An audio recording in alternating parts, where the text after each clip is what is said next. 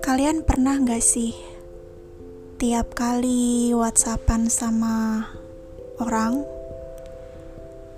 waktu kalian ngetik pesan kalian kalian lalu mempertimbangkan pesan ini ditutup pakai emoticon atau pakai titik aja ya? Hmm. Kalau pakai emoticon emoticon yang mana ya? Yang sesuai sama perasaan yang aku alami waktu ngetik pesan ini? Mana ya emoticon yang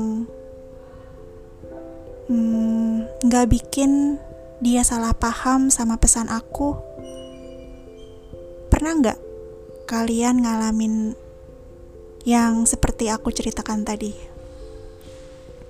kalau aku setiap kali mengirim pesan, itu yang terjadi di kepala aku.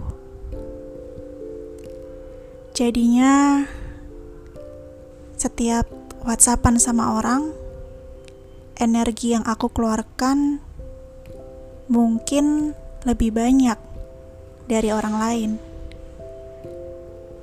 Aku akan menghabiskan waktuku untuk scrolling emoticon yang cocok lalu sering kali juga gak cuma satu emoticon yang aku kirimkan ke dia kadang aku mix and match antara emoticon yang bentuknya ekspresi wajah dengan emoticon yang kadang hewan, kadang bunga, macam-macam.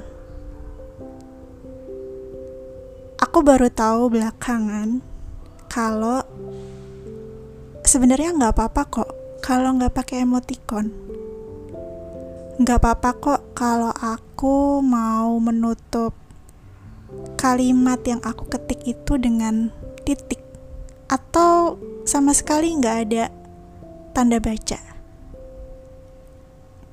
aku baru tahu belakangan kalau nggak apa-apa kalau aku gak mikirin soal apa yang orang lain persepsikan soal pesan aku. Gak apa-apa kalau aku gak peduli. aku baru tahu belakangan. Kalau kamu gimana?